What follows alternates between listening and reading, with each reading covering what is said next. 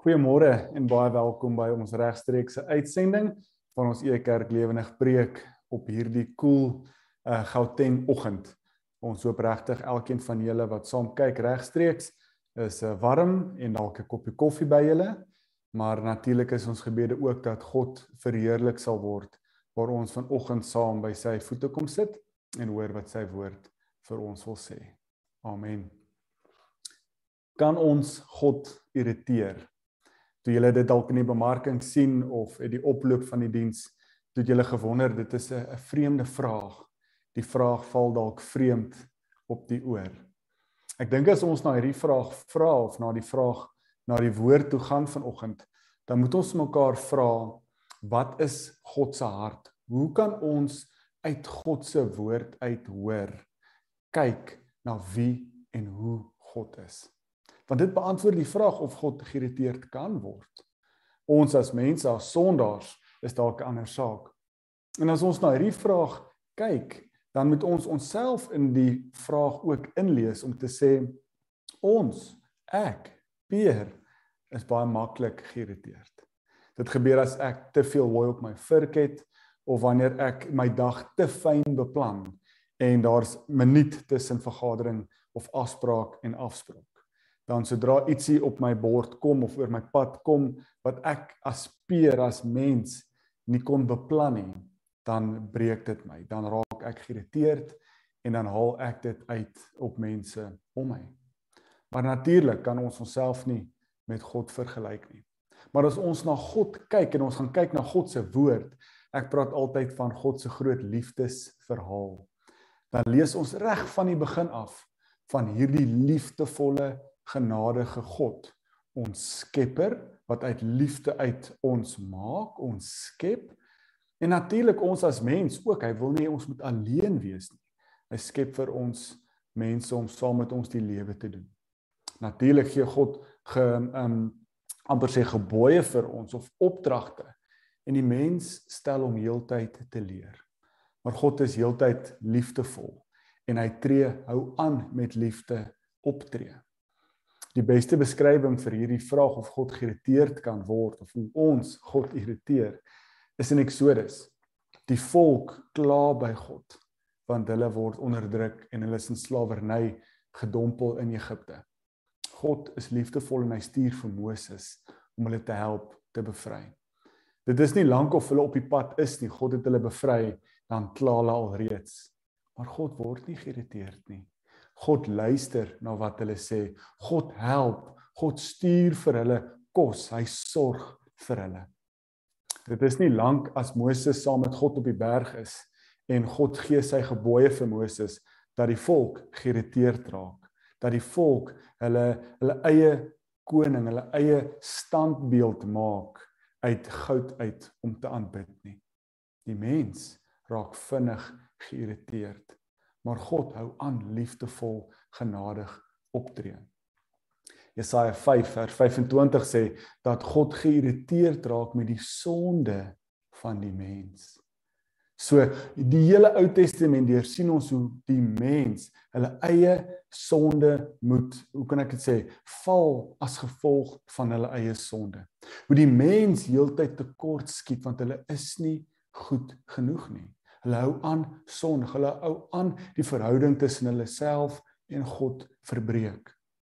Maar God is so goed en so liefdevol dat hy as God ons Skepper die oplossing ook vir ons gee. Wat doen hy? Hy stuur sy eie seun. Hy stuur sy eie seun om vir ons te kom intree, om tussen my en God, tussen jou en God te kom staan. Jesus wat soos ek en jy 'n mens aarde toe is. Want ons is mense. Hy kom as mens aarde toe. En hy is perfek. Hy is volkome. Hy het nie onder sonde geval nie. Maar hy tree op tussen my, tussen ons en God. Hang hy homself, laat hy homself aan 'n kruis hang as 'n sondaar in die plek van my en jou. Sodat God na ons kyk en nie meer sondaars sien nie, maar dat hy sy eie seun aan 'n kruis sien hang. So hoef die hoef ek en jy as mens nie goed genoeg te wees om ons eie heil of verlossing te verwerk nie. Want ons gaan heeltyd tekortskiet. Ons is nie goed genoeg nie. Maar Jesus is. So kom tree Jesus in tussen ons en God en en maak hierdie verhouding tussen ons en God 'n persoonlike, intieme verhouding. En so wil ek vanoggend hierdie vraag verder lees vanuit Lukas 11 en bietjie na Lukas 18 ook kyk waar Jesus, ons einste verlosser, ons wys hoe hierdie verhouding tussen ons en God herstel is. En spesifiek Lukas 11 wat vir ons wys hoe ons dan in hierdie verhouding met God kan praat, kan kommunikeer, kan bid. Lukas 11 vanaf vers 1 tot 5 of 1 tot 4 verbeel ek my, sorry, 1 tot 4 leer Jesus sy disippels bid. Dit is die Lukas se weergawe van die onsse Vader. En ons sien dat Jesus sy disippels leer bid in vers 2 sê hy vir hulle: "Wanneer julle bid, sê dit: Vader, mag mense met die grootste respek van U praat en U so eer. Mag U as koning oor almal en in alles heers. Sorg asseblief vir ons met dit wat ons elke dag nodig het. Vergewe ons asseblief waar ons nie reg opgetree het nie, soos ons almal vergewe wat verkeerd teenoor ons optree. Hou ons ook asseblief veilig uit die hande van die bose. Prof Jan het dit so mooi vertaal hierdie verhouding wat ons nou met God het en hoe ons in hierdie verhouding kan nader na God toe. Prof Jan het al voorheen ook by Ekerk gepreek en toe praat hy so mooi beeld van gebed is 'n verhouding. Maar dit is die voorreg om op God, ons Vader, se skoot te sit en met hom te praat. En dit is wat hierdie onsse Vader vir ons leer. Dit vat die verlede, die hede en die toekoms saam om te sê, Here, ons Vader, my Vader, ons kan hom persoonlik nou ken. Ons hoef nie tempel toe te gaan nie. Ons hoef nie op na 'n berg te gaan nie. Ons hoef nie na tabernakel toe te gaan of 'n tent toe te gaan soos in die Ou Testament nie. Maar Jesus het hierdie verhouding kom herstel. Hy het hierdie die gordyn in die in die in die heiligste, allerheiligste geskeur sodat daar 'n persoonlike, direkte verhouding is met ons en God. Tweedens sien ons dat ons ook vra God, laat u koninkryk kom. Laat ons het dit al reeds in die hier en die nou beleef, maar laat dit ook vinnig kom, Heer. Die wêreld is stikkend, dis donker. Ons as mense sukkel, skiet kort, kry seer, het pyn. Maar ons weet ons het 'n ewige lewe, 'n ewige woning by u in die koninkryk as hy weer in volkleur as u in weer kom en ons kan hierdie koninkryk in vol kleur beleef. Tweedens help hierdie gebed ons ook om te sê dat ons vir in die hede, in die hier en die nou ook God moet vertrou. Gee ons wat ons vandag nodig het, Here. Nie wat ons oor 10 jaar nodig het of as ons wil aftree nodig het nie. Maar die Here sorg vir ons in die hier en die nou want hy is lief vir ons. En natuurlik ook vergewe ons sonde dit wat ons in die verlede gedoen het. Jesus los dit dan nie daar nie. Vanaf vers 5 verder maak hy verder van twee gelykenisse of verhale gebruik om verder vir ons te illustreer hoe lyk hierdie gebed. En ek lees dit vir ons. Jesus het verder gesê: "Sê my, sal jy so iemand vir 'n vriend wil hê? Sê nou jy gaan teen middernag te hom toe en vra: My vriend, Leen asseblief vir my 3 brode, want 'n vriend op reis het nou net hier by my opgedaag en ek het niks om vir hom te gee om te eet nie. Die persoon doen dan nie eers moeite om sy deur oop te maak nie. Maar hy roep van binne af: "Moenie my nou pla nie. Ek het reeds my deur gesluit en ek en my kinders is in die bed. Ek kan nie nou opstaan om die brood vir jou te gee nie." Ek sê vir julle, al sou die man binne nie uit vriendskap opstaan en aan sy vriend dit gee nie, die brood gee nie, sal hy tog opstaan en aan hom gee wat hy vra, bloot omdat sy vriend soveel skaamtelose vrymoedigheid het om dit vir hom te vra. Luister na my, Vra en daar sal vir julle gegee word. Soek en julle sal vind. Klop en die deur sal vir julle oopgemaak word. Elkeen wat vra, sal ontvang. Elkeen wat soek, sal vind en die deur sal vir hom wat klop oopgemaak word. Sê vir my, watter pa onder julle sal vir sy seun 'n slang gee as hy hom vir 'n vis vra? Of watter pa sal sy seun 'n eier as sy seun 'n eier vra vir hom 'n skerpioen gee? Al is julle nie perfek nie en vol foute, weet julle dat julle goeie dinge vir julle kinders moet gee. Hoeveel te meer sal julle Vader in die hemel nie die Heilige Gees, die Heilige Gees gee vir julle wat hom daarom vra nie. Mag 'n vreemde gelykenis wees vir ons as as westerlinge. En ons gaan nou nie vanoggend tyd hê om stil te staan en in diepte hierdie gedeelte by te fokus nie. En indien jy dalk uh, dit gemis het, Vrydagoggend het ons juis op hierdie gedeelte 'n Bybelstudie met ons Bybelreis gedoen met bietjie meer in diepte met ons te bespreek. Maar hoe dit ook al sê, vanoggend vra ons hierdie verhouding wat God nou kom herstel het deur sy seun te stuur. Hoe lyk hierdie verhouding dan nou tussen ons en God? En hierdie gelykenis help ons om te sê dat gebed, die verhouding wat ons nou met God het, kan in gebed geleef word. En daar's drie merkers wat ek voel ons help om hierdie vraag te beantwoord of ons God kan irriteer. En die eerste ding wat ons moet sê is hierdie vriend, hy gaan klop aan sy buurman se deur. Hy soek brood. Hy hy het nodig om vir 'n vriend wat by hom aangeklop het in die middel van die nag te sorg. Hy het natuurlik nie brood nie en hy gaan klop aan sy vriend vriend se deur. Dan sê die gelykenis dit so mooi. Ehm um, al staan hy nie op weens sy vriendskap nie sal hy opstaan en hom vir hom gee wat hy nodig het as gevolg van sy skaamtelose vrymoedigheid wat hy het om dit te vra. So wat sê dit vir ons? 1. Ons as mense wat tekortskiet wat hierdie gedeelte juis ook vir ons sê, nie volmaak is nie, raak geïrriteerd. Ons raak maklik geïrriteerd as dinge nie uitdraai soos wat ons wil hê nie. As mense aanhou klop, aanhou vra, maar nie God nie. God is die een wat nie geïrriteerd is nie. God is liefde, soos 1 Johannes vir ons sê. In 1 Korintiërs 13 vers 5 sê vir ons liefde is nie geïrriteerd nie. So hierdie gedeelte wat handel oor gebed sê hierdie verhouding wat Jesus kom herstel het tussen ons en God. Dit is nou so 'n verhouding wat ons het dat ons die vrymoedigheid het moet neem om skaamteloos na God toe te gaan met ons hartsbegeertes. In gebed kan ons skaamteloos rou en eerlik op ons knieë voor God neerval en God sal luister. God sal die deur oopmaak as ons klop. As ons aanhou soek na God, sal ons God vind. As ons aanhou vra, God antwoord.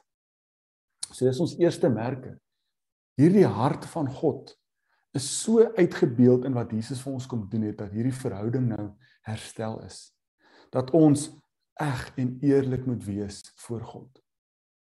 Ons kry dalk skaam vir as ons vir ons vriende of kollegas iets vra. En ek dink baie keer as ons skaam kry, dan is dit omdat ons maskers dra, of dalk is dit net ek. Ek kry skaam van wat gaan iemand van my dink? Ek Ook tweedens, as ek vir iemand iets vra en ek neem nie vrymoedigheid om dit te neem om hom te of hom of haar dit te vra, moet ek tog in 'n verhouding staan met hierdie persoon. Jy vra nie 'n lukrake persoon iets wat jy verwag hulle moet vir jou doen en jy weet jy verwag te veel nie. Maar in ons verhouding met God kan ons dit met vir God vra. Ons kan God nader met dit want die verhouding is so persoonlik so herstel deur wat Jesus kom doen het dat ons dit mag doen. Ons hoef tweedens nie skaam te kry nie want God ken ons harte. Ons hoef nie voor te maak, voor te dra, um voor te gee dat ons iemand is wie ons nie is nie. Want God ken ons harte. God ken ons behoeftes. God ken jou. Hy is so lief vir jou. Hy ken jou so goed Hy wil 'n verhouding met jou hê. Hy wil so graag 'n verhouding met jou hê dat hy sy seun stuur om in te tree tussen jou en God. Dit is die hart van God. So, mag ons vandag besef, een, ons kan die vrymoedigheid neem. Ons moet om eg en eerlik 'n verhouding te hê met God en ons kan klop, aanhou vra, aanhou soek. Tweedens, sien ons ook hierdie woorde wat hulle gebruik om aan te hou soek, aan te hou klop, aan te hou vra. Ons kan dit ook op 'n manier, wil ek op 'n manier sê vertaal deur te sê op 'n konstante basis moet ons vra. Ons moet konstant soek. Ons moet aanhou klop. Ons moet ons moet irriterend wees en aanhou klop. Ons irriteer God nie nee. Maar die woorde wat gebruik word is soos ons asemhaal, moet ons soek. Hierdie verhouding wat God kom herstel het deur sy seun Jesus Christus, maak dat ons nou in 'n persoonlike permanente verhouding staan met God. Soos ek al reeds gesê het, ons hoef nie kerk toe te gaan en slegs daar kan ons God beleef of ervaar nie. Ons hoef nie na 'n tempel toe te gaan. Ons hoef nie eers onsself uit te sorteer en eers die regte gebede bid voordat God ons gebede hoor nie. Nee. Ons moet nie as ons in die moeilikheid is, dan eers na God toe gaan en vir God vra nie. Ons moet soos Paulus sê in Romeine 8, die gees van God is in ons en dit lei ons. En dit is wat Lukas 11 vir ons gesê het. Wat is God se antwoord vir ons gebede? Ek gee my gees as geskenk vir julle. En ons het dit in hierdie Pinkstertyd so goed weer besef en ervaar tot die besef gekom dat God so goed is, so liefdevol. Hy stuur nie net sy seun vir ons nie. Hy stuur nog bo-op dit sy gees ook. Sy permanente teenwoordigheid is in jou by ons. So ons hoef nie iets te gaan doen om God te gaan vra nie. As ons hier sit vanoggend, is God by ons deur sy gees. As ons môreoggend werk toe ry in ons kar, is God by ons in sy gees. As ons môre middag 'n moeilike gesprek het met 'n kollega, is God by ons teenwoordig deur sy gees. Laat jy toe dat God se gees jou lei. Want dit is 'n konstante, permanente bewuswees van God se teenwoordigheid. Want dit is God se geskenk. Ons vra vir God as ons in die moeilikheid is vir hulp. Maar God se antwoord is: "My gees was nog die hele tyd by jou." Ek is altyd by jou. Jy's nooit alleen nie. As jy voel jy beleef beerdkrag in jou geestelike lewe, dan is dit ons eie tekortkominge.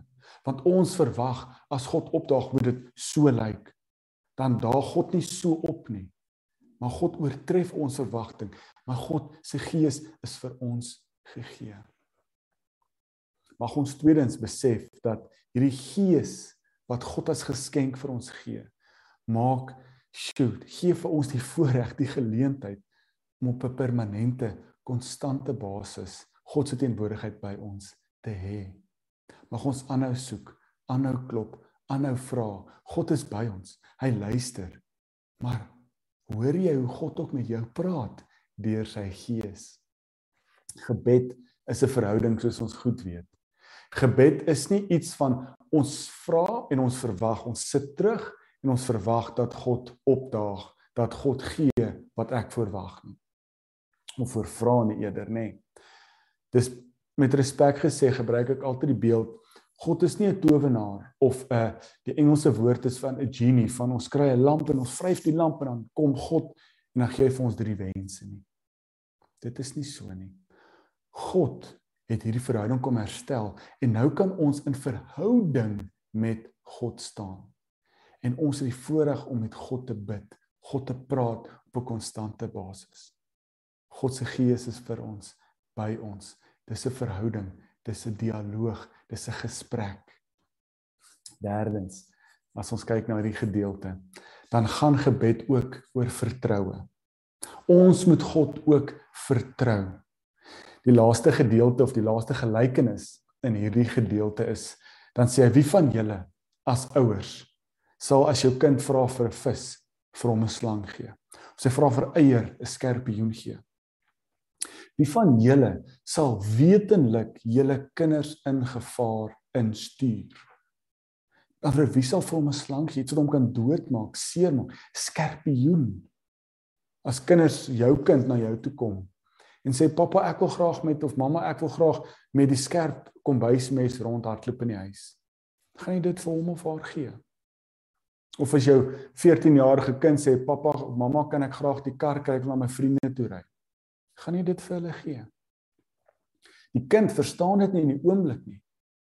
Maar die rol as ouers is om jou kind veilig te hou, te leer 'n deursettings te moof, 'n ja, te leer om hoe om veilig te wees dat hulle self die keuses maak. Nou, hoe werk dit anders as dit kom by ons en God?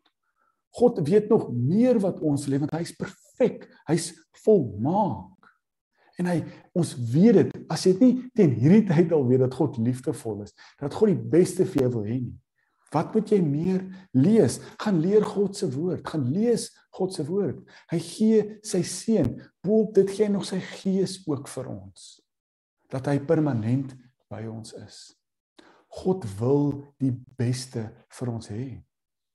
Maar Ons vra dalk soms aardse goed vir hom, want dis ons as mense se aardse behoeftes. Soms antwoord God deur net te sê my gees is vir jou genoeg. Ek het dit vir jou alreeds gegee. Wees bewus van my teenwoordigheid. Laat my gees jou lei as jy deur die lewe gaan. Vertrou my. Ek wil die beste vir jou hê.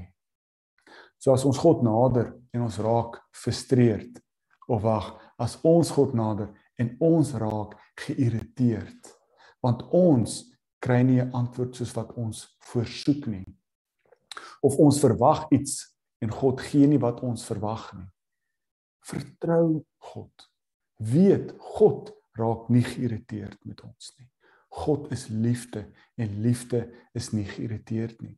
Maar God het ook sy gees gegee en God se gees se permanente teenwoordigheid lei ons en is genoeg. Tweedens, mag ons ook God vertrou. Mag ons God vertrou met die wete dat hy die beste vir my en jou wil hê. God het ons lief.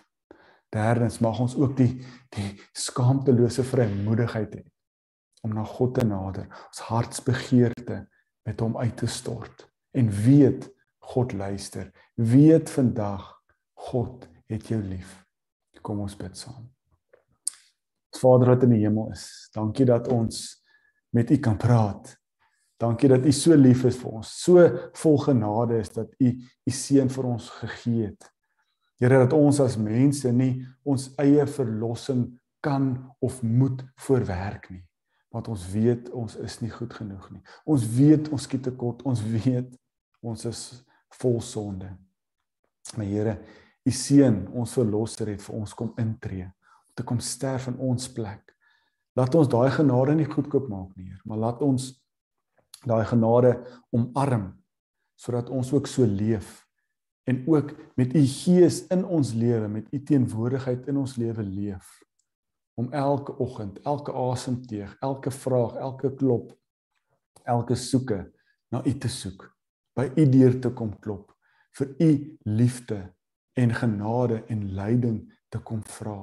Want ons weet U is 'n liefdevolle genadige God wat dit vir ons wil hê mag ons U vertrou in hierdie verhouding wat ons het. Maar mag ons nog steeds ons hartsbegeerte met skaamteloosheid en die vrymoedigheid neem om sonder skaamte na U toe te kom. Want U ken ons harte en ons weet U luister. Help ons ook om te hoor wat U vir ons sê in hierdie verhouding. En mag ons weet en rus vind in die wete dat u liefde en genade is vir ons genoeg. Amen. Baie baie dankie dat jy saam gereis het met hierdie regstreekse preek. Ons uh, Bybelreis uh, vat bietjie van 'n breek weens die skoolvakansie. Ek het dit Vrydagoggend ongelukkig verkeerd afgekondig, maar ons regstreekse preek of ons preke, Ekerk Lewendig preke, gaan op Sondag nog steeds voort Baie dankie vir almal wat betrokke is by Ekerk, wat saam regstreeks kyk na die tyd, na die opnames kyk, ons nuusbriewe inskakel, wat finansiëel ondersteun. Sonder julle kan ons nie uh, gehoorsaam wees aan ons roeping om Jesus sigbaar, voelbaar en verstaanbaar te maak nie. En dankie dat jy so deel is van E Kerk se roeping. Mag jy 'n geseënde week hê, bly warm en mag jy God se liefde en genade beleef. Totsiens. thank you